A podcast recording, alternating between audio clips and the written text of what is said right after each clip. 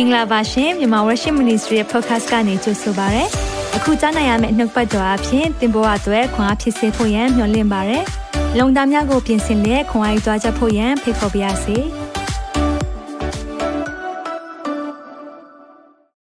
မင်္ဂလာပါရောက်စီတိုင်းကိုဒီနေ့ပြန်လဲဆုံတွေ့ရလို့ဝမ်းသာတယ်ဖျားရှင်အထူးကောင်းချီးပေးပါစေအားလုံးကိုယေရှုတင်ဖို့ပြောချင်ပါတယ်ဘာကြောင့်လဲဆိုတော့ယေရှုတင်ကြောင်းပြောချင်တယ်အာ မြန်မာ worship ရဲ့ ministry အခုလိုမျိုးသွားနိုင်တဲ့အရာကသင်ရဲ့ပံ့ပိုးမှုတွေဆူတောင်းပေးခြင်းတွေနဲ့ပါဝင်မှုကြောင့်ဖြစ်တယ်။ဒါကြောင့်မလို့သင်ရဲ့တက်တာမှာဖျားရှင်ကအထူးကောင်းချီးပေးပါစေဒီမှာရှိတဲ့အာ Patreon မှာတော့၎င်း PayPal မှာတော့၎င်းမြန်မာပြည်မှာတော့၎င်းပါဝင်တဲ့ partners တွေ Kingdoms partner နော်ကျွန်တော်တို့ Kingdom partner ဆိုပါလေနိုင်ငံတော်လက်တွဲဖို့ဟောနိုင်တဲ့သူဟောပါစေနောက်ကနေပံ့ပိုးမယ်အာမင်ပြောနိုင်တဲ့သူပြောပါစေဆုတောင်းကူညီမယ်အဲ့ဒီအဖွဲ့တွေအထူးလိုအပ်ပါတယ်ဒါကြောင့်မလို့ဒီနေ့မှာလည်းပြောမယ့်အကြောင်းအရာနည်းနည်းလေးနဲ့တင်ဒါကြောင့်မလို့အာဂျေဇုပြု၍အာယုံစိုက်ပြီးတော့နားထောင်ပေးပါအများကြီးတော့မဟုတ်ဘူးဒါပေမဲ့အထူးအာယုံစိုက်ပြီးနားထောင်ဖို့လိုတယ်ခဏလောက် ကျွန်တော်သက်တာတွေကိုအနံ့ရအောင်သက်ရှင်သောဖခင်နာမတော်ကိုချီးမွမ်းပါ၏ဒီနေ့ပြောမယ့်အကြောင်းအရာအားဖြင့်ကျွန်တော်ရဲ့စိတ်နှလုံးသားတာ၍ပြင်ဆင်ဖို့အကြောင်းဖြစ်ပါစေကိုရောကိုဒီနေ့လိုအပ်ကြောင်းဝန်ခံပါတယ်သက်ရှင်သောဝိညာဉ်တော်ဖခင်ကိုရောဘုန်းတကုန်းနဲ့ကျွန်တော်တို့ကိုလွှမ်းခြုံပေးလျက်ဒီနေ့ပြောမယ့်အကြောင်းအရာတွေကိုနားလည်စေပါအနောက်ရှက်ဖြစ်မဲ့ဝိညာဉ်စွဲလို့ရအားလုံးယေရှုနာမ၌ဖယ်ရှားတယ်ဖျားရှင်ရဲ့လမ်းပြခြင်းနဲ့ကြွယ်ကခြင်းကိုကြီးညာလျက်တပါးသောသားရမြတ်သခင်ရှုနာမ၌စက္ကန့်အနံဆုတောင်းပါ၏ အာမင်အာမင်ဝန်ခံနေကြအရာလေးဝန်ခံရအောင်တရား19ခုမြောက်သောစာလံပိုင်ငယ်တရား5နှုတ်ကပတ်တော်သည်ကျွန်ုပ်ခြေရှိမှမိခွက်ဖြစ်၍ကျွန်ုပ်လန်ကီကိုလင်းစေပါ၏တစ်ခါတော့ဝန်ခံပါအောင်နှုတ်ကပတ်တော်သည်ကျွန်ုပ်ခြေရှိမှမိခွက်ဖြစ်၍ကျွန်ုပ်လန်ကီကိုလင်းစေပါ၏ဒီနေ့ပြောမယ့်အရာအဖြစ်ဒီနေ့ရမယ့်နှုတ်ပတ်တော်အဖြစ်သင်ပါလို့ရမလဲဘယ်သွားရမလဲဆိုတာဘုရားရဲ့ နှုတ်ကပတ်တော်အလင်းရပါစေအာမင်ဒီရက်ပိုင်းလေးမှာအဖြစ်သွားတဲ့အရာလေးတခုထူးခြားတာရှိတယ်အဲ့ဒါဘာလဲဆိုရင်တော့အာဒီနေ့နှုတ်ကပတ်တော်ခေါင်းစဉ်လဲအဲ့ဒါလေးကိုအာပြောထားတယ်ဆိုတော့ September မှာတော့တကယ်တော့ prophecy update တစ်ခေါက်လုပ်ပြီးပြီဖြစ်တယ်เนาะ September 3ရက်နေ့တုန်းကတခါကျွန်တော်လုပ်ပြီးပြီအခု28ဆိုတော့ဒီလထဲမှာကျွန်တော်နှစ်ခေါက်တော့အာ prophecy update ကိုနားထောင်ခွင့်ရတယ်ဆိုတော့ဒီနေ့ကညီတော့နမပြူပေါ့နော်ညီတဲ့ နွားနွားတငယ်ကြောင်းဒါနဲ့တတိယဗိမာန်ဆိုတာ third temple အခုမရှိသေးဘူးဒါပေမဲ့အဲ့ဒီစောက်တဲ့အရာဆက်ဆက်မှုတွေများရှိမလားဒီနေ့ဒါကိုလေ့လာဖို့လိုတယ်။ဘာကြောင့်လဲဆိုတော့ကျွန်တော်တို့သိတယ်เนาะနိုင်ငံရေးနမိတ်တွေရှိတယ်။ဘာသာရေးနမိတ်တွေရှိတယ်။အပြီးရင်လူမှုအဖွဲ့အစည်းရဲ့နမိတ်တွေရှိတယ်။တဘာဝတရားရဲ့နမိတ်တွေเนาะဒီအကြောင်းအရာတွေကျွန်တော်လေ့လာနေတဲ့အခါမှာ Israel ရဲ့နမိတ် Israel နိုင်ငံကိုလည်းကြည့်ဖို့လိုတယ်။ တင်မောတဖန်ပင်ကိုကြည့်ဖို့လိုတယ်เนาะဒါကြောင့်ဒီနေ့ပြောမယ့်အကြောင်းအရာလေးကအာဒီရက်ပိုင်းလေးထဲမှာပဲဖြစ်သွားတဲ့အကြောင်းအရာနဲ့ဆက်ဆက်ပြီးတော့ကျွန်တော်တို့ကိုဘာတွေသတိပေးတယ်လဲဆိုတာကိုခဏလောက်နားထောင်ကြည့်အောင်เนาะဟုတ်ပြီ red heifer ဆိုတာကနွားနွားပါပဲနွားအနီနွားအနီတွေကနွားအနီ9កောင် Texas ပြည်နယ် American နိုင်ငံ Texas Texas ပြည်နယ်ကနေ Israel ကိုရောက်သွားတယ် နော်ဆိုတော့ပို့လိုက်တာပေါ့နော်ဆိုတော့အဲ့ဒီနွားငါးကောင်ရောက်တာကဘာများထူးခြားလို့လဲဒေးဗစ်ကင်ရဲ့နွားတွေ့တိုင်းလဲဟောပြတ်ပြီဒီနေ့နားလဲစေချင်တယ်နော်တခါလေကြာရင်တချို့ကမသိဘူးဟိုဘာကြောင့်ဒါတွေဟောတာလဲဘာတွေဖြစ်နေလဲနိုင်ငံရေးတွေမပြောနဲ့အမျိုးမျိုးကျွန်တော်တို့ comment တွေရတယ်ပြီးကြတော့ဘယ်မှာလဲနော်ဆိုတော့ mocker ဆိုတာခရစ်တော်ရဲ့ကြွလာခံနီးတဲ့ချိန်မှာတဲ့နော်ဒီ mock လုပ်တယ်ဆိုတာကလှောင်ပြောင်တဲ့သူတွေများလာမယ်တဲ့နော်ဆိုတော့ဒီရဲ့နှုတ်ဘတ်တော့ပြည့်စုံတာသင်ကြောင့်တော့မပြည့်စုံပါစေနဲ့နော်သင်အိတ်ထဲမှာမပါဘူးကျွန်တော်မျှော်လင့်တယ်ဒါပေမဲ့ဒီနေ့ပြောမယ့်အကြောင်းအရာကဒီရဲ့နွားတငယ်ကဘာကြောင့်ထူးခြားတာလဲဆိုတဲ့အရာသိဖို့လိုတယ်ဆိုတော့ Texas ပြည်နယ်မှာရှိတဲ့နွားကဘာကြောင့်မလို့ Israel နိုင်ငံရောက်သွားတာထူးခြားတာလဲဒီမှာကျွန်တော်တို့သတင်းတွေထဲမှာဆိုရင်တော့ဒါကားတဲ့တတိယဗိမာန်တော်စောက်ဖို့ နမိတ်တွေများဖြစ်နေပြီလားနောက်ဆုံးသောကာလရဲ့နမိတ်တွေများဖြစ်နေပြီလားဆိုတဲ့အရာလေးကိုစာတွေကရေးလာကြပြီဆိုတော့ဘာကိုပြောချင်တာလဲเนาะတချို့တွေလည်းကျွန်တော် article တွေပို့ပေးတယ်ကျွန်တော်အများအားကြည့်နေပါတယ်เนาะဒီအကြောင်းအရာတွေအာမြန်မာပြည်ရဲ့ watchman တယောက်အနေနဲ့ကျွန်တော်ကြည့်ဖို့လိုတယ်သတိပေးဖို့လိုတယ်အဲကြောင့်ဒီနေ့မှာသင်ကိုလည်းသတိပေးခြင်းတယ်ဆိုတော့ညီသောနမပြူပေါ့เนาะနွားမရဲ့အရေးကြီးတဲ့အရာ ဆိုတော့ဒီနွားတငယ်ဘာကြောင့်หนีတဲ့နွားတငယ်အရေးကြီးတာလဲ red cow เนาะဘာကြောင့်အရေးကြီးတာလဲဒါလေးကိုပထမနံပါတ်1အနေနဲ့ပြောပြချင်တယ်ဆိုတော့နောက်ဘက်တော့တစ်ချက်တွားရအောင်တောလေယာ19အခန်းကြီး1ကနေ30ကိုဖတ်ချင်တယ်တောလေယာ19ထဲမှာဒီအကြောင်းကိုအတိအကျရေးထားတယ်။ဤတော့ရမပြူတဖန်ထာဝရဘုရားသည်မောရှိနှင့်အာယုန်တို့ကိုခေါ်၍ထာဝရဘုရားစီရင်ထုံးဖွဲ့တော်မူသောပြည့်ညတ်တရားဟုမူကားဒီမှာပြောပြီးအပြစ်မပါတခါမျှ တဘိုးမတင်ကွက်ကြားခြင်းမရှိအစင်းနေသောနမပြူကိုဤဒီလအမျိုးသားတို့သည်စောင့်ခဲ့မိအကြောင်းရှင်းဆိုလောတဲ့အပြစ်မပါရဘူးတဲ့ဆိုတော့ NASA defect ဆိုတာထိသွားတာတော့ဟလာချော်လဲထားလို့အနာဖြစ်သွားတာမရဘူးပြီးရင်တဘိုးတစ်ခါမှမထမ်းဘူးဆိုတာလဲမထုံဘူးဒီနွားနောက်ကွက်ကြားခြင်းမရှိဆိုတာနောက်ဆုံးတခြားဒီနွားမှာပါတဲ့အယောင် ကတခြားအယောင်လုံးဝပါလို့မရအောင်အဖြူဖြစ်ဖြစ်အမဲဖြစ်ဖြစ်အမွှေးတမွှေးတောင်မှပါလို့မရအောင်အဲ့ဒီနွားကိုယူလာခဲ့ပါတဲ့ပြောတယ်ဆိုတော့ဒါကြောင့်ဖြစ်ပါလိမ့်မယ်เนาะဆိုတော့အခုဒီမှာ rabbi ဒါ Jew rabbi ကဒီနွားကိုမှန်ဘလူးနဲ့ကိုသေချာကြည့်ပြီးတော့စစ်ဆေးနေတယ်ဘာကြောင့်လဲဆိုတော့ ထုံးစံအတိုင်းပဲเนาะဒီဂျူးတွေကဖျားရဲ့ဒီပြည့်ညက်တရားတို့ဘာတို့အသေးစိတ်အသေးစိတ်တို့ကဟိုလိုက်လျှောက်ခြင်းတဲ့အဖွဲ့တွေဖြစ်တယ်เนาะဖျားကပေးလိုက်တာကတော့เนาะ10ခုပေါ့เนาะ10ခုဒါပေမဲ့အဲ့ဒီမှာတို့ချဲ့ပြီးတော့ Torah ဆိုပြီးတော့600နဲ့73ခုအဲ့ဒီအပြင်ကိုเนาะ Chanzio စီမင်းဆိုတာရှိသေးတယ်အဲ့ဒါအောင်မကျူးလွန်မိမှာဆိုကျူးလွန်မိမှာဆိုလို့မကျူးလွန်ဖို့ဆိုပြီးတော့တို့တွေကချဲ့ကားရင်းနဲ့เนาะလိုက်နာရမယ့်ဟာသသောင်းတို့မလိုက်နာရမယ့်သသောင်းတို့ဖြစ်ကုန်တယ် ဆိုတော့ဒါကြောင့်မလို့အသေးစိတ်တယ်ဆိုတော့ပြောပြချင်တာဖြစ်တယ်ဆိုတော့ဒီမှာ a Christian farmer in Texas raised the price heifers which are essential for priests ဆိုတော့ဒီဥစ္စာကဘာကြောင့်ရေးကြည့်တာလဲဆိုတော့ယေရုရှလင်မြို့မှာ Temple Institute ဆိုတာရှိတယ်အဲ့ဒါကဘာလဲဆိုတော့တတိယဗိမာန်ပြန်ဆောက်ဖို့ရန်အတွက်အာသူတို့ကစီစဉ်နေတဲ့အဖွဲ့အစည်းတစ်ခုရှိတယ် Temple Institute သူတို့မှာဗိမာန်တော်တစ်ခုတည်းတော့မဟုတ်နော်ဗိမာန်တော်၈လုံးလောက်ဆောက်လို့ရပြီတဲ့နော်အဲ့လောက်ထိတောင်ငွေကြေးရှိတယ်လို့ပြောတယ်ဆိုတော့ခရီးယန်တွေကလည်းအရန်ကိုကူညီကြတယ်နော်ဒါပေမဲ့သူတို့ပြောနေတာကတော့ဒါစီးပွားရေးဆန်ဆန်လုပ်တဲ့ဟာလည်းရှိတယ်လို့ပြောတယ်ဒါပေမဲ့ဘယ်လိုပဲဖြစ်ဖြစ်နော်ဒါကတော့ဒါသူတို့ကဏ္ဍဖြစ်တယ်ဆိုတော့အဲ့ဒီမှာရှိတဲ့အဖွဲ့ထဲကနေနော် rabbi တွေလွတ်ပြီးတော့ဒီ အာအမေရိကတက္ကဆက်မှာရှိတဲ့နွားဂျန်အဲ့အဲ့နွားဂျန်ကတော့ခရီးယန်ဆိုတော့သူသိတယ်ဒီရဲ့အရေးကြီးတဲ့ဟာဆိုတော့သူအဲ့ဒီမှာစစ်ဆေးပြီးတော့နွားငါးကောင်အခု Israel ကိုဘန်ဂေါရီလေစိတ်မှာပြီးခဲ့တဲ့သတင်းပတ်ဒီထဲမှာပဲရောက်လာပြီဒါကဘာကြောင့်အရေးကြီးတာလဲเนาะဆက်ပြီးတော့ကြည်ရအောင်ဆိုတော့အဲ့ဒီမှာဒေါ်လာ19အငယ်3เนาะ ယေဘရဟိအေလျာဇာ၌အယွေတပ်ပြင်သို့ဆောင်းသွားပြီးမှသူရှိ၌အခြားသူတိုက်ရမည်ယေဘရဟိအေလျာဇာသည်အသွေးကိုလက်နှင့်ယူ၍ပရိသတ်စည်းဝေးရာတဲတော်ရှေ့ဆူဆူ၌ခုနှစ်ကြိမ်ဖြန်းရမည်เนาะဒီအသွေးနဲ့ဖြန်းရမယ်ယေဘရဟိရှေ့မှာထိုနမ်ထိုနွားမဤအရေးအသားအသွေးချင်းနုနဲ့တကွာတကောင်လုံးကိုအခြားသူသည်မိရှို့ရမည်ဆိုတော့ယေပူဇော်မှာသူတို့မိရှို့ပစ်မှာဒီရဲ့နွားကိုယေဘရဟိသည်လည်းအာကာရှတစ်သား ဟုသောပင်ညွတ်နဲ့ညီမောင်းသောအထက်ကိုယူ၍နွားမမီးလောင်ရာသို့ပြစ်ချရမည်တဲ့အဲ့လိုလုပ်ရမယ်ဒါသူတို့လုပ်ရမယ့်ကဏ္ဍလေးတွေပြောတယ်ဆိုတော့ဘာကြောင့်လဲဆိုတော့နံပါတ်1ချက်သိဖို့လိုတယ်အဲ့ဒီနေတဲ့နမပြူရဲ့နော်ပြာကိုသူတို့ကအသုံးပြုပုံရှိတယ်အဲ့မှာနှုတ်ဘတ်တော်မှာစကြည့်ရအောင်ထို့နောက်မိမိအဝတ်ကိုလျှော်၍ကိုကိုလည်းရေချိုးပြီးမှတက်သေးသို့ဝင်၍ညဦးတိုင်အောင်မစင်ကြဲဖြစ်လိမ့်မည်မိရှို့သောသူသည်လည်းမိမိအဝတ်ကိုလျှော်၍ ကိုကိုလည်းရေချိုးပြီးမှညဦးတိုင်အောင်မစင်ကြယ်ဖြစ်လိမ့်မည်စင်ကြယ်သောသူတစ်စုံတစ်ယောက်သည်နွားမ၏ပြာကိုစုသိမ်း၍တပ်ပြင်မှစင်ကြယ်သောအရက်၌ထားရမည်အဲ့မှာပြောပြီးအေဒီလအမျိုးပရိသတ်အဖို့စင်ကြယ်သောရေဖော်ဖို့ထိုးပြာကိုတူထားရမည်အပြစ်နဲ့ကင်းစင်စရာဖို့ဖြစ်တည်းတဲ့ဆိုတော့ဒီပြာနဲ့သူတို့ကရေ အဲ့ဒီရေထဲမှာထည့်လိုက်ပြီးရင်ရေကတန့်စင်သွားပြီအဲ့ဒီရေတန့်စင်တဲ့အရာနဲ့ပဲ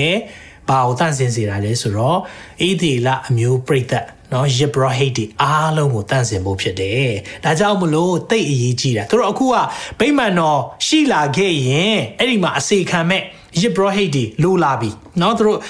ယစ်ဘရဟိတ်ဒီ ဗိမာန်တော်မှာစိတ်ခံရမယ်သူတို့ဒါဒါလောအတိုင်းပြန်သွားမှာပဲသူတို့ကခရစ်တော်ကိုသိတာမဟုတ်ဘူးလက်ခံတာလည်းမဟုတ်ဘူးဒါကြောင့်မလို့သူတို့သွားမယ်အဲ့လိုသွားတဲ့အချိန်မှာယေဘရဟိတ်တွေအလုံးလုံးမဲ့သူတွေအားလုံးဟာတန်ရှင်းစင်ကြယ်ဖို့လိုတယ်အဲ့လိုတန်ရှင်းစင်ကြယ်ဖို့က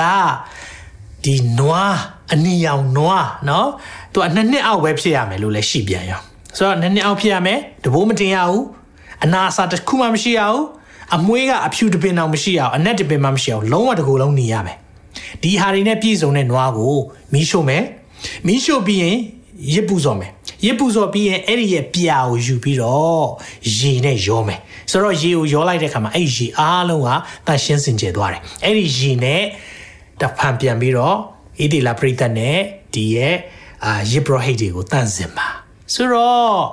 ဒါဆိုရင်ဘာလို့ဘာဘာဖြစ်ဖို့နီးလာပြီလဲတတိယဗိမာန်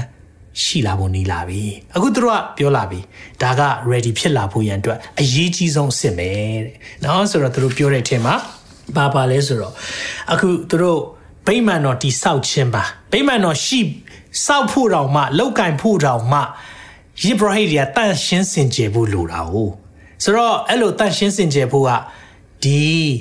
နွားရဲ့ပြာလိုတယ်ဒါကြောင့်မလို့နွားကဒီနွားအနီကဒါအရေးကြီးတာ ဆိုတော့သူတို့ဒါကိုဆက်ပြီးလုပ်တော့မယ်ဆိုရင်ဗိမာန်တော်တိဆောက်တော့မယ်ဆိုရင်ကျွန်တော်တို့မျှော်လင့်နေတဲ့ချီဆောင်ခြင်းကိုဒါတွေကိုဆက်ဆက်မှုပြီးကြရင်ကျွန်တော်တို့ကြည့်အောင်เนาะဆိုတော့အဲ့ဒါလေးကိုသိဖို့လိုတယ်ဆိုတော့အဲ့ဒီနွားမရဲ့ပြာနဲ့ဘာလုပ်မလဲဆိုတော့ဂီးဟုံရေเนาะဆိုတော့အဲ့မှာဂီးဟုံရေကိုသူတို့ရောမယ်ရောပြီးရင်ယေဘရဟိတ်နဲ့လူတွေကိုစင်ကြယ်တန့်စင်ဖို့သူတို့လုပ်လိုက်မယ်ဒီအတွက်ကိုသူတို့ပြင်ဆင်နေတယ်ဆိုတော့ဂီးဟုံရေဆိုတာက အရေးကြီးတယ်အဲ့ဂီးဟုံရေကနော်သူတို့ဘယ်မှာရှိတယ်လဲဆိုတော့ကျမ်းစာထဲမှာနှစ်နေရာမှာတော့ဖော်ပြထားတယ်ဓမ္မရာဇဝင်တတိယဆောင်ခန်းကြီး1ငယ်33မှာအဲ့မှာတော့ဂီးဟုံရေလို့မပြောဂီးဟုံမြို့လို့ပဲဒါပြောဖော်ပြထားတာပေါ့နော်အဲ့ဒီမှာရှင်ပြန်ကလည်းတင်းတို့အရှင်ဤကျွန်များကိုခေါ်၍ငါသားရှောလမုန်ကိုငါဤမြင်လား မြင်းလာတော်ပေါ်မှာစီးစေလျက်ကီးဟုံမြို့သို့ဆောင်သွားကြလောတဲ့ဆိုတော့ကီးဟုံမြို့ခေါ်သွားပါဆိုတဲ့တနေရာပြောတယ်နောက်အဲ့ဒီရေစီးတဲ့ကီးဟုံရေကိုဟေဟေဇကိမင်းကသူလမ်းလွှဲလိုက်တဲ့အရာလေးတခုလှုပ်လိုက်တယ်အဲ့ဒါကိုတော့ရာဇဝင်ချုပ်ဒုတိယဆောင်ခန်းကြီး30ထဲမှာပြောထားတယ်အငယ်30 ထိုမှတပါဟေဇကိသည်ဂီးဟုံအထက်ချောင်းရည်ကိုပိတ်၍ဒါဝိမြို့အနောက်သို့တက်တဲ့စီးစေ၏ထိုသို့ဂီဟေဇကိသည်ပြုလေရာ၌အကြံထမြောက်တယ်ဆိုတော့ဒါဝိမြို့အနောက်ဘက်စီးစေတယ်ဆိုတော့ရှီလောင်ရေကန်နော် pool of siloam လို့ခေါ်တယ်အာဓမ္မသစ်ထဲမှာသခင်ယေရှုကဒီနေရာမှာအနာငိမ့်ခြင်းတွေလုပ်ခဲ့တဲ့နေရာလေးဖြစ်တယ်နော်ဆိုတော့အဲ့ဒီရေကသူတို့ကတိတ်ကိုအထွတ်မြတ်ထားတဲ့ရေပေါ့နော်ဂီဂီဟုံရေဂီဂီဟန်စပရင်ဆိုတဲ့အရာလေးနော် အဲ့ဒါနဲ့ခုနနွားမရဲ့ပြာနဲ့သူတို့ရောပြီးတော့အဲ့ဒီမှာရေရမယ်အဲ့ရေကနော်တန့်စင်စီတဲ့ holy water ဖြစ်သွားမယ်ဒါတော့အဲ့ဒါလေးကိုသူတို့ကလှုပ်ဆောင်နေတယ်။ဒါကြောင့်မလို့ခုနအခုပြောလာတဲ့ဒီရဲ့နော်ညီသောနမပြူဆိုတာတအားအရေးကြီးတယ်။ဂျူးတွေအတွက်ပြောတာနော်။ပြီးကြရင်ကျွန်တော်ဆက်ဆက်မှုတွေလည်းပြောပြမယ်။ဆိုတော့ဟုတ်ပြီ။ဗိမ္မာန်တော်စောက်ဖို့အမှုဆောင်မဲ့ယစ်ဘရဟိတ်တွေကိုသူတို့က purify လုပ်တော့မယ်စင်ကြယ်စေတော့မယ်ဆိုတော့ဒါဆိုရင်သူတို့ဘာကိုဥတည်နေပြီလဲဆိုတော့နော်ဗိမာန်တော်ကိုဥတည်နေပြီဆက်ပြီးတော့ကျွန်တော်ကြည့်ရအောင်ဆိုတော့ဒီမှာမြင်သာအောင်လို့လုပ်ပြထားတဲ့အရာလေးဖြစ်တယ်။ညီတော်နမပြူရဲ့ပြာနဲ့ဂီဟုံရီအားဖြင့်ယစ်ဘရိုဟိတ်နဲ့လူများကိုစင်ကြယ်တန့်စင်စေတယ်เนาะကျွန်တော်တို့ဒါလေးသူတို့လှုပ်ဖို့ရန်အတွက် ခုနပြလိုပါတယ်ပြရဖို့ရန်အတွက်ဒီရဲ့နွမပြူလေးလိုပါတယ်အဲ့ဒီနွားကိုအနှစ်2000မှာတဲ့အခုအချိန်ကပထမဦးဆုံးချိန်ဒါစပြီးတော့တွေ့ပြီးတော့လှုပ်တာဖြစ်တယ်ဆိုတော့သူတို့9កောင်လောက်ပို့လိုက်တယ်ဆိုတော့သူတို့ဘာပြောလဲဆိုတော့ chance အများများတယ်ပေါ့เนาะဒီတစ်ခါအောင်မြင်ဖို့ရန်အတွက်ဒါကသွားသပင်မွေးအဖြူလေးတောင်မှเนาะသူတို့ပါလို့မရအောင် အမွေးအမွေးပေါ့နော်နွားအမွေးအဖြူလေးတောင်ပါလို့မရအမဲလဲပါလို့မရချားအယောင်တစ်ခုမှပါလို့မရအောင်ဆိုတော့ဒီလိုမျိုးရဖို့ရန်အတွက်ပြင်ဆင်နေတာတော်တော်ကြာပြီတဲ့နှစ်နှစ်ထောင်မှာဒါပထမဦးဆုံးချိန်တဲ့မိတ်ဆွေကြားလားမသိဘူးเนาะမိတ်ဆွေဒီအရာတွေ prophetic implication ဆိုတာเนาะဒီရဲ့ရှေ့ဖြစ်လာမဲ့နမိတ်တွေကိုအများကြီးပြောပြနေတယ်ဒါပေမဲ့တခါလေကျတော့เนาะကျွန်တော်တို့တတိမမူကူးမမြင်တဲ့သူအများကြီးရှိတယ်ဒီလိုနှုတ်ပတ်တော်တွေကလေးနဲ့တဲ့အခါမှာတခါလေရုတ်တရက်လိုပဲဩဒါနွားပါဆိုင်လဲမသိလိုက်ဘူးဒါပေမဲ့အရေးကြီးတယ်เนาะအရေးကြီးတယ်ဒါကိုယုံကြည်သူတွေသိဖို့လိုတယ်အထူးသဖြင့်ကျွန်တော်တို့ rapture ဆိုတဲ့ချီဆောင်ခြင်းကိုမျှော်လင့်နေတဲ့သူတွေအထူးသိဖို့လိုတယ် နော်တချို့ချီဆောင်ခြင်းနဲ့ပတ်သက်ပြီးတော့ကျွန်တော်နားထောင်စေခြင်းတယ်ကျွန်တော် prophecy update ပဲကြိုက်တယ်အဲတခြားတွေသိမကြိုက်ဘူးအဲ့လိုမလုပ်ပါနဲ့။ဘာကြောင့်လဲဆိုတော့ချီဆောင်ခြင်းပဲဖြစ်ဖြစ်တခြားဟာပဲဖြစ်ဖြစ်ကျွန်တော်တို့ပြောတဲ့အရာကလောကမှာချီဆောင်ခြင်းမလာခင်မှာအသက်ရှင်နိုင်တဲ့သူတယောက်ဘလို့အသက်ရှင်မလဲဆိုတော့နှုတ်ပတ်တော်တွေသွန်သင်နေတာဖြစ်တယ်။ဒါကြောင့်မလို့နောက်အားလုံးပဲနှုတ်ကပတ်တော်ကိုရရဖို့ရန်အတွက်အရန်ကိုမျှော်လင့်တယ်။ဆက်ပြီးတော့ကြည်အောင်။ကဲ ဒီရဲ့နှစ်ခုဘာဆက်ဆက်တာလဲတတိယဗိမာန်ဆိုတော့เนาะဗိမာန်ဗိမာန်တော့ရှောလမုန်ဗိမာန်ရှိတယ်ပြီးတော့အဲ့ဒီရှောလမုန်ဗိမာန်တော့ပျက်စီးပြီးတော့ဟေရုမင်းကြီးလက်ထက်မှာဗိမာန်တော့နောက်တစ်ခုရှိခဲ့တယ်เนาะဒါဒုတိယဗိမာန်လို့ပြောတယ်အခုရှိနေတဲ့နေရာအခုကျွန်တော်နောက်ကရှိနေတဲ့နေရာဒါကတော့ဒါ Doom of the Rock ဆိုတာဒီဒီနောက်ကပုံပြောတာဖြစ်တယ်เนาะဆိုတော့အဲ့ဒီနားမှာဆိုတော့ willing war ဆိုတာအနောက်ဖက်တတိုင်းငိုကြွေးမိတန်းချင်းတတိုင်းပဲကြံတော့တယ်ဆိုတော့အဲ့အပေါ်ကိုအခုတက်တော့အဲစကားများတာတွေဖြစ်ကုန်ပြီအဲ့ဒီအပေါ်မှာဒါဒါဒါပလီမဟုတ်သေးဘူးเนาะနောက်တနေရာရှိတယ်အဲသူကအယောင်ရွှေရောင်မဟုတ်ပဲねဒီလိုပုံစံလေးပဲနည်းနည်းအဲအညိုရောင်လေးရှိတာခဲရောင်လို့လို့အညိုရောင်လေးလေးအဲ့ဒီအယောင်ကြမှာပလီဖြစ်တယ်เนาะ Alexa Moss လို့ခေါ်တယ်ဆိုတော့အဲ့ဒါကအာဒီမွတ်စလင်တွေအတွက်သူတို့ကဘာပြောလဲဆိုတော့ မိုဟာမက်ကနော်ဒါအိုးအရှိဖက်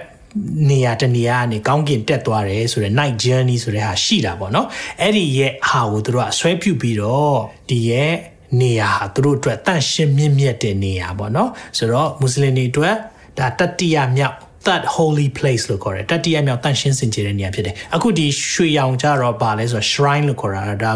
ဒါကဟိုပါပေါ့ပြတိုက်လှုပ်ထားတာပေါ့နော်ဒါမျိုး အဲအဲ့ဒါကိုသိဖို့လိုတယ်အဲ့နေရာကိုလည်းဗာပြောလဲဆိုတော့အာဗြဟံသူ့သားကိုပူဇော်တဲ့နေရာလို့လေအဲဒါမျိုးပြောကြတယ်နော်ဆိုတော့အာဒီအာယောနာရဲ့ကောက်နယ်ဒလင်းများဖြစ်နေမလားဆိုပြီးတော့ဒါသုံးသက်တာလည်းရှိတယ်နော်ဆိုတော့ညီပြန့်လွန်းလို့အာယောနာနော်ဒါဒါဝိမင်းကြီးအာယောနာနာကနေဝယ်ပြီးတော့နော်အဲ့ဒါကိုဒီကောက်နယ်ဒလင်းမှာ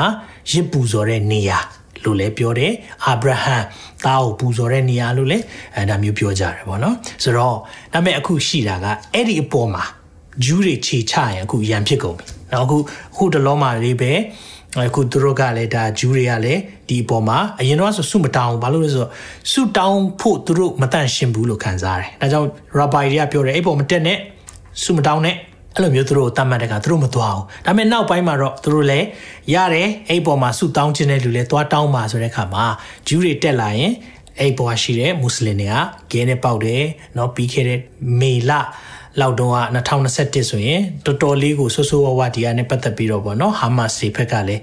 အာစစ်လာပြီးတော့เนาะတိုက်ခိုက်မှုတွေအစားလှုပ်တာတွေရှိတယ်ဆိုတော့အခု tension လဲယေရုရှလင်မြို့မှာအကြီးအကျယ်ဖြစ်နေပြီဆိုတော့ဒီနေရာမှာ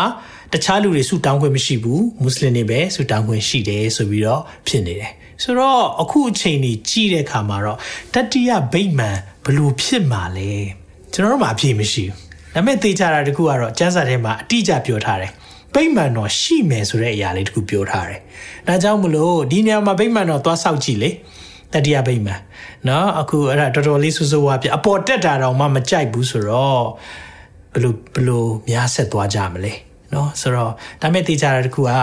တမန်ကျမ်းစာထဲမှာယေရုရှလင်ဆိုတဲ့ဟာအချိန်ပေါင်းထောင်နဲ့ချီပြီးတော့ပြောထားတယ်။ခိုရန်ထဲမှာတလုံးတောင်မပြောထားအောင်เนาะ အဲ့ဒါသိဖို့လိုတယ်။ဒါကြောင့်မလို့ဒီနေရာကိုဘယ်သူပိုင်နေဘယ်သူလုပ်တယ်เนาะတမန်ကျမ်းစာရဆိုတော့ဒီနေရာသည်သာရဖျားရဲ့ဗိမာန်တော်ရှိခဲ့တဲ့နေရာဖြစ်တယ်เนาะဒါကြောင့်ဖျားကတော့တတိယဗိမာန်တမန်ကျမ်းစာထဲမှာပြောထားတဲ့အတွက်ရှိကိုရှိလာမှာဖြစ်တယ်เนาะဒါကိုလည်းသိထားဖို့လိုတယ်ဆိုတော့မဿဲ24ထဲမှာသခင်ယေရှုပြောတဲ့စကားဖြစ်တယ်။ယွန်ရှာဖွေသောအရာ။ဒါကိုမာကုထဲမှာလည်းတွေးလိုက်မယ်။လူကာတခြားကျမ်းညွှန်းလေးတွေပါအမှထည့်ထားပေးတယ်။ရှင်မသက်ခရစ်ကျမ်းခန်းကြီး24ငယ်15 ထို့ကြောင့် prophet ဒံယေလဟောသည့်အတိုင်းဖြည့်ဆည်းတတ်သောယွန်ရှာဖွေအရာသည်တန်ရှင်သောအယက်ဌာန၌စိုက်နေသည်ကိုသင်တို့မြင်ရလင်ကျမ်းစာကိုကြည်တော်သူသူသည်နားလေပါစေတဲ့ prophet ဒံယေလဟောတဲ့အတိုင်းဖြည့်ဆည်းပြီးယွန်ရှာဖွေတဲ့အရာတဲ့တန်ရှင်သောအယက်ဌာနဆိုတာ holy place ခုနပြောတဲ့နေရာဒီနေရာမှာရှိလာပြီဆိုရင်ခုနော်ဒီမှာနောက်ကပုံမှာဒီနေရာမှာရှိလာပြီဆိုရင်သတိထားပါတဲ့ ကျမ်းစာဖတ်တဲ့သူတွေသိပါစေတဲ့ဒါဘာကိုပြောတာလဲဆိုတော့အဲ့မှာ prophet ဒန်ယေလကဘာပြောခဲ့လဲဒန်ယေလအနာဂတ်ကျမ်းခန်းကြီးကိုငယ်20ခွန်မှာလို့ပြောတယ် the the din တွင်အဲ့ဒါ the din ဆိုတဲ့အရာက prophetically ပြောတာဖြစ်တယ်ခုနှစ်နှစ်ကိုပြောတာလူများတို့ ਨੇ ဗြိဉ္ဉ်ဖွဲ့ခြင်းရှိ၍ဆိုတာဖ peace agreement နော်ဆိုတော့ငြိမ်းချမ်းခြင်းစာချုပ်တွေချုပ်လာပြီးနောက်မှာထိုသတင်းတဝက်ဆိုတာခုနှစ်နှစ်ရဲ့တဝက်က3နှစ်ခွဲအဲ့ဒီ3နှစ်ခွဲမှာဘာဖြစ်မလဲဆိုတော့ရစ်ပူဇော်ခြင်းနဲ့စက္ကတ်ခြင်းကိုပပျောက်စေလိုက်ပြီတဲ့ အခုရစ်ပူဇော်ရစ်မပူဇော်သေးဘူးနော်စက္ကတ်ခြင်းတွေလည်းမလုပ်သေးဘူးနော်အဲ့ဒီနေရာမှာတဲ့ရစ်ပူဇော်ခြင်းတွေစက္ကတ်ခြင်းတွေပပျောက်မယ်ဆိုတော့အခုရစ်ပူဇော်မဲ့အဖွဲ့တွေက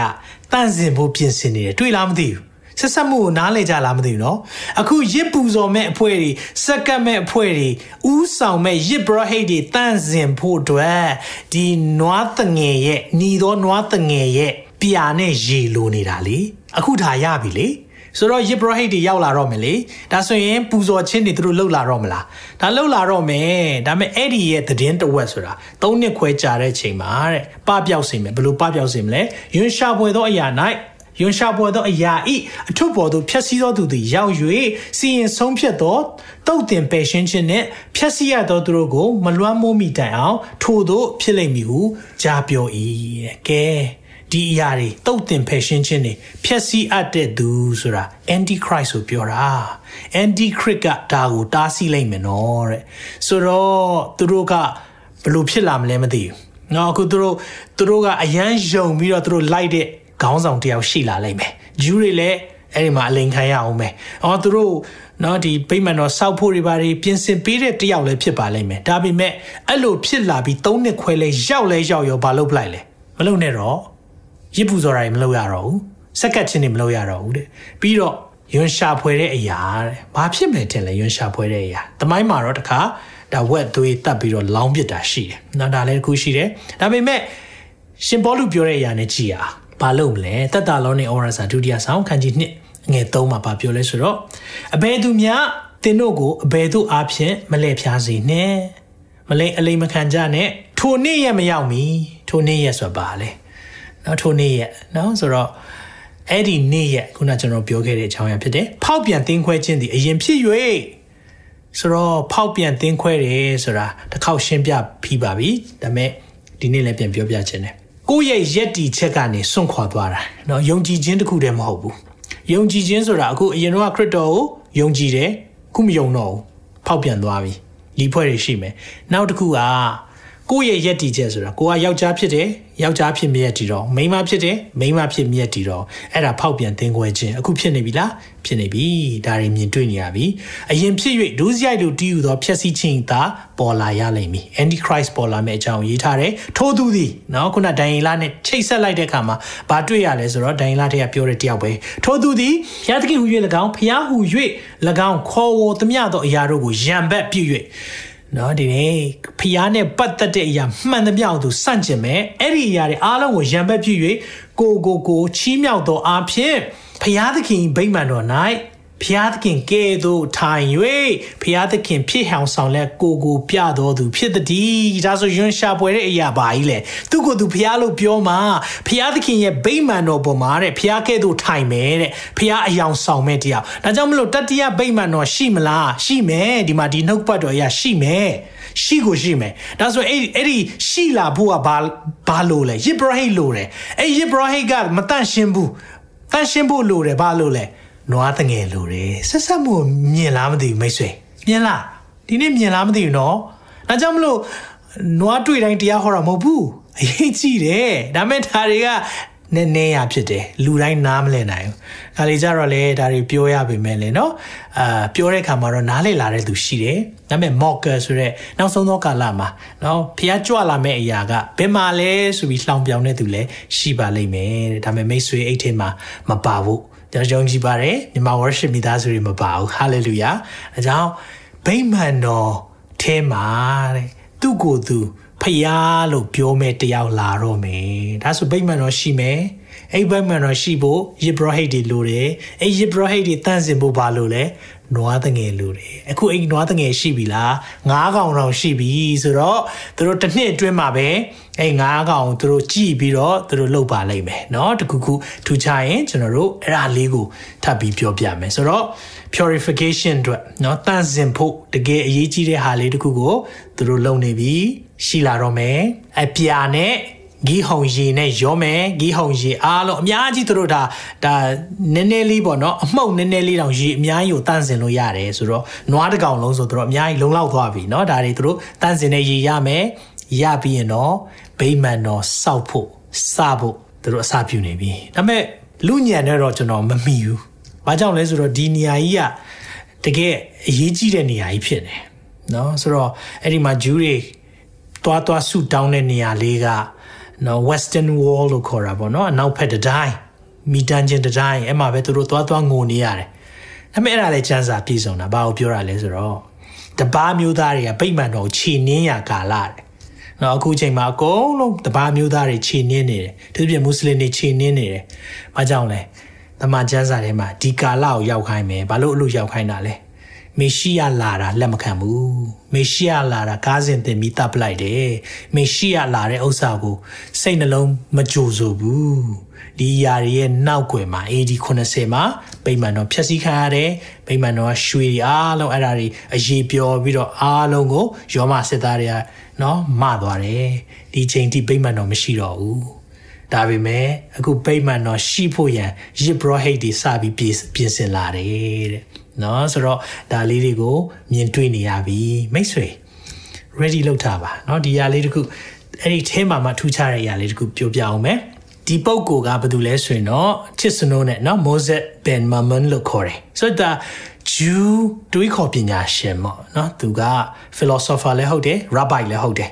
ဆိုတော့တွေးခေါ်ပညာရှင်လည်းဟုတ်တယ်ဆိုတော့ဆက်နက်ရာစုနှစ်တုန်းက तू ကဘာပြောဘူးလဲဆိုတော့တဲ့ Jewish Jewish sage လို့ခေါ်တာပေါ့ပညာရှင်ပေါ့နော် Maimonides လို့ခေါ်တယ်။ဘာပြောလဲဆိုတော့ပထမဗိမာန်တော်နဲ့တဲ့ဒုတိယဗိမာန်တော်ရှိတဲ့ကာလမှာတဲ့အဲ့ဒီနွားတငယ်နွားနီညီတဲ့နွားနမပြူဟာကိုးကောင်ရှိခဲ့ပြီးပြီတဲ့ဒါပေမဲ့တဲ့ဆယ်ကောင်မြောက်တွေ့လို့ရှင်တော့မေရှိယလာတော့မဲ့အချိန်ပဲတဲ့ပြန်ပြောပြမယ်နော်ပထမဗိမာန်တော်နဲ့ဒုတိယဗိမာန်တော်အဲ့ဒီကာလအတွင်းမှာတဲ့နမပြူ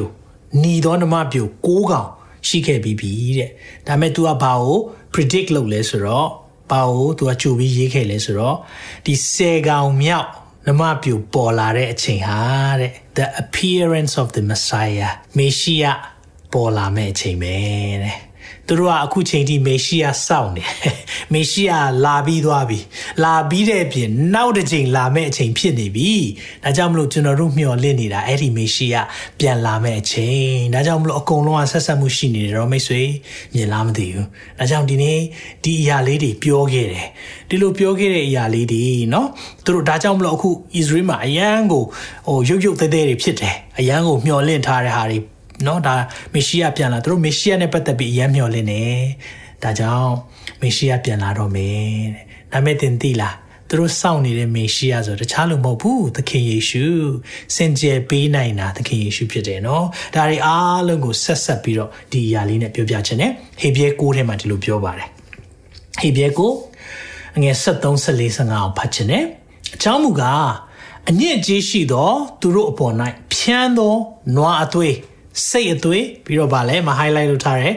နွားမကလေးဤပြသည်เนาะဒါကြောင့်မလို့ကျွန်တော်တို့အခုပြောနေတဲ့အကြောင်းအရာသူတို့ကိုခန္ဓာ၌စင်ကြယ်ခြင်းကိုပြုနိုင်သည်မှန်လဲနော်ဒါစင်ကြယ်နိုင်တယ်ဆိုတာမှန်ရင်ထုံမြမကအပြစ်ကင်းသောကိုတော်ကိုထာဝရဝိညာဉ်တော်အားဖြင့် ဖျားသခင်ရှေ့၌တင်လူပူဇော်သော ခရစ်တော်၏အသွေးသည်အာမင်ခရစ်တော်၏အသွေးလို့ပြောပါအောင်ခရစ်တော်၏အသွေးအာမင်ခရစ်တော်၏သွေးသည်တေခြင်းနှင့်ဆက်ဆိုင်သောအကျင့်ကိုပယ်ရှင်း၍သင်တို့သည်အသက်ရှင်တော်မူသောဘုရားသခင်ကိုဝတ်ပြုမိအကြောင်းသင်တို့၌ကိုကိုကိုတည်သောစိတ်ကိုစင်ကြယ်စေခြင်းကတာ၍တတ်နိုင်တော်မူသည်မဟုတ်လောတကယ်ဒါဆိုဘာကိုပြောချင်တာလဲသခင်ယေရှုရဲ့အသွေးရ ကျွန်တော်တို့ကိုဘာလုပ်စီလဲဆိုတော့သေခြင်းနဲ့ဆက်ဆိုင်တဲ့အကျင့်ကိုပယ်ရှင်းစေတယ်ပြီးရင်အသက်ရှင်နေမှုတော့ဖះကိုဝေပြုမိအကြောင်း worship လုပ်တတ်ဖို့ကျွန်တော်တို့ဖះကိုကိုးကွယ်တတ်ဖို့ပြီးရင်ကိုကိုကိုတည်သောစိတ်ဆိုတာနော်စင်ကြယ်မှုဆိုတာရေချိုးတိုင်းစင်ကြယ်တာမဟုတ်အတွင်းနှလုံးသားစင်ကြယ်ဖို့အဲ့ဒီကိုကိုကိုတည်တဲ့စိတ်ကိုစင်ကြယ်စေခြင်းကတတ်နိုင်တယ်တဲ့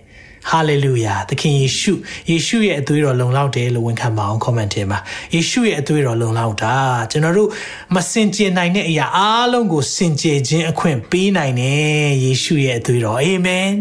ဒီမှာဟေဘရဲထဲမှာပြောတဲ့အရာအဲ့ဒီနွားမရဲ့ပြဒါတွေကကိုခန္ဓာကိုစင်ကြယ်တာမှန်တယ်ဆိုရင်ပုံဆောင်ချက်တွေဒါပုံဆောင်ချက်တွေလုပ်ပြတဲ့အရာတွေ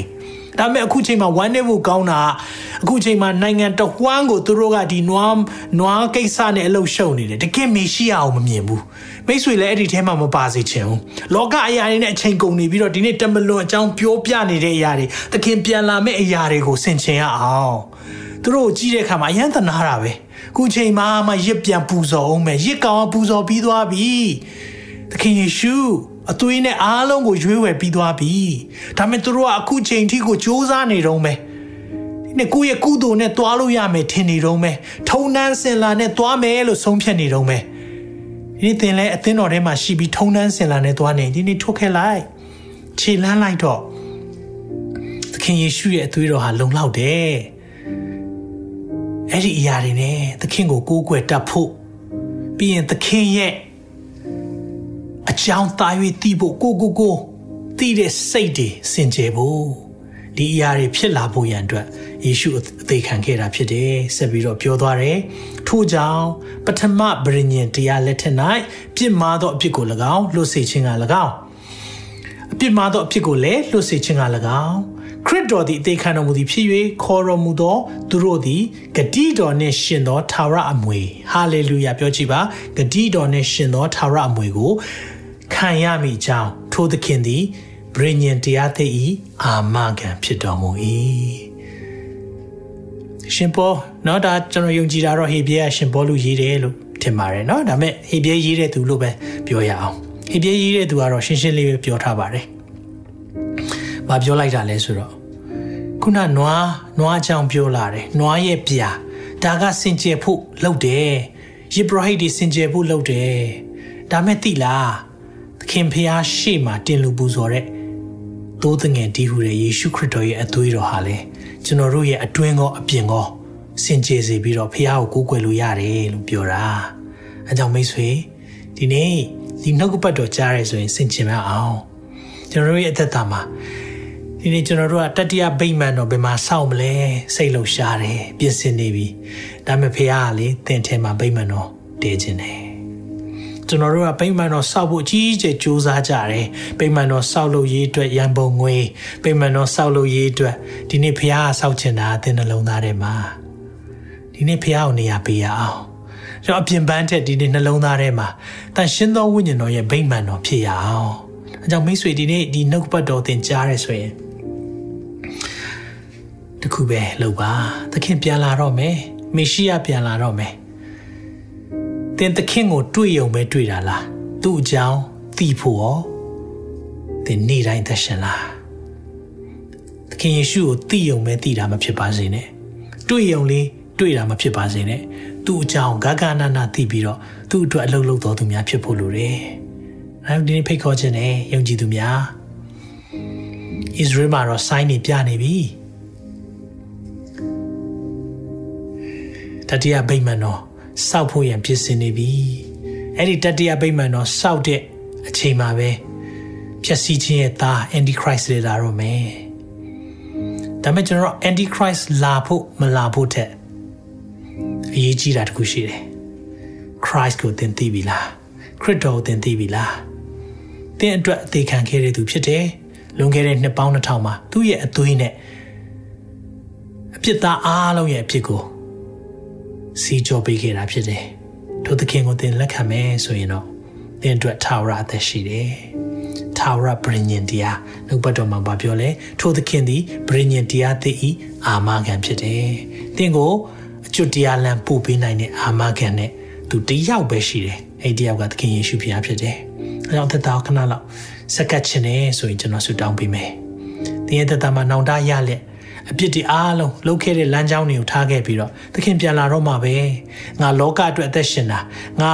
လူတွေအတွက်အသက်ရှင်တာငါမိသားစုအတွက်အသက်ရှင်တာငါဖះเจ้าအတွက်အသက်ရှင်တာတွေထားပြီးတော့သခင်နဲ့အသက်ရှင်တော့မယ်ဆိုရယ်ဆုံးဖြတ်ရမယ့်ချိန်ဖြစ်တယ် အဲကြောင့်ကိုယ့်ရဲ့သက်တာကိုခဏလောက်အနံစေခြင်းတယ်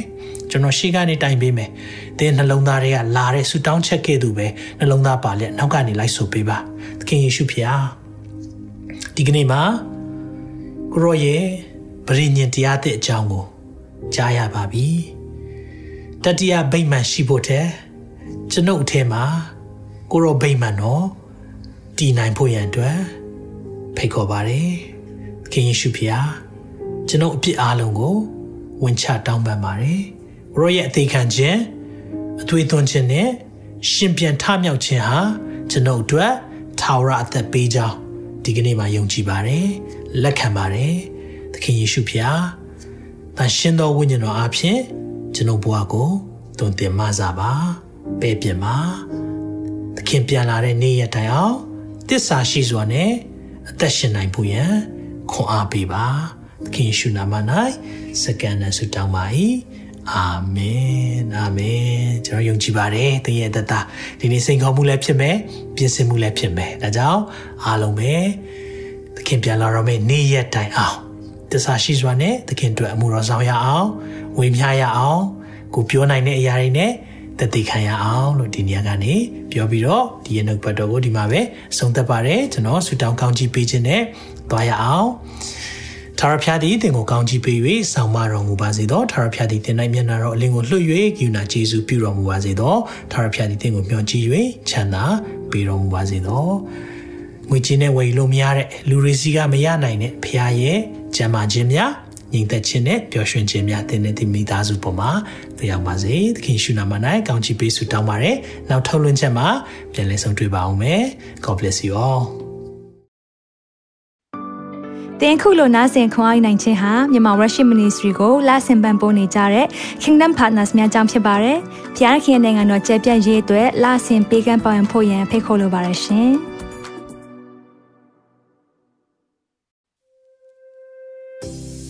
ခုကြားနာခဲ့ရတဲ့နှုတ်ပတ်တော်အဖြစ်ခွန်အားရရှိမဲ့လို့ယုံကြည်မျှော်လင့်ပါတယ်။ခွန်အားရဆိုလို့ရှိရင်ဒီတစ်ပတ်နဲ့ပြန်လည်ဝင်မြပေးဖို့ရန်တောင်းဆိုပါရစေ။မြန်မာ Worship Ministry ရဲ့ website myanmarworship.com ကိုလည်းလာရောက်လေ့လာဖို့ရန်အတွက်ဖိတ်ခေါ်ချင်ပါတယ်။တစ်ချိန်တည်းမှာမြန်မာ Worship Ministry ရဲ့ social media platform များဖြစ်တဲ့မြန်မာ Worship YouTube Channel, မြန်မာ Worship Facebook Page နဲ့မြန်မာ Worship Instagram များကိုလည်းလာရောက်လေ့လာဖို့ရန်အတွက်ဖိတ်ခေါ်ချင်ပါတယ်။နောက်တစ်ချိန်မှာပြန်လည်ဆုံတွေ့ကြပါစို့။ဖျားရှင်ကောင်းကြီးပေးပါစေ။